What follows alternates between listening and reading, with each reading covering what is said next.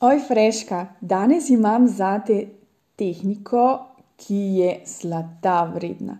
Meni je spremenila pogled na vse in presenečena sem bila, kako zelo hitro učinkuje.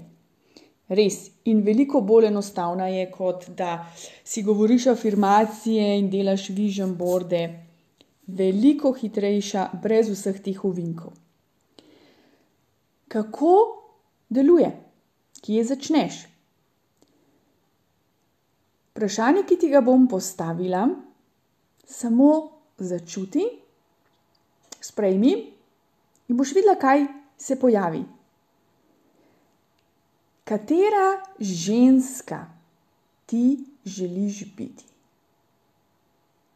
Kaj si ti želiš zase? To je kar tako vprašanje, veš, mogoče na prvo oko nič posebnega, ampak je kar globoko. Kdo ti želiš biti? Da daš zdajle na stran vse, kaj lahko, kaj ne, kaj se spodobi, kaj je prav, to vse stran. In potem začuti, odkrivaj.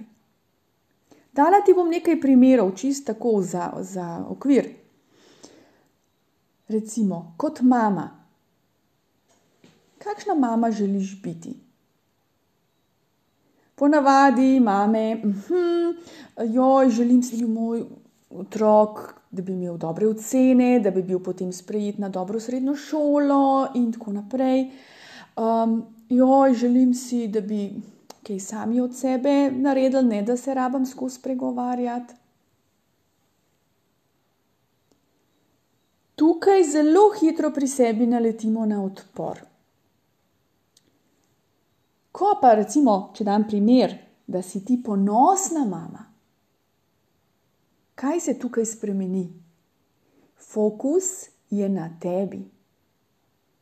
In takrat ti daš dejansko moč v svoje roke in nič več ne pogojuješ zadev od zunaj. Ko bo to, ko bo to, potem bom srečna, zadovoljna, navdušena in tako naprej. Recimo vloga žena. ko bi moj večkrat kaj to, ne vem, opazil, sam naredil, za vsako stvar ga moram prositi in potem čakati.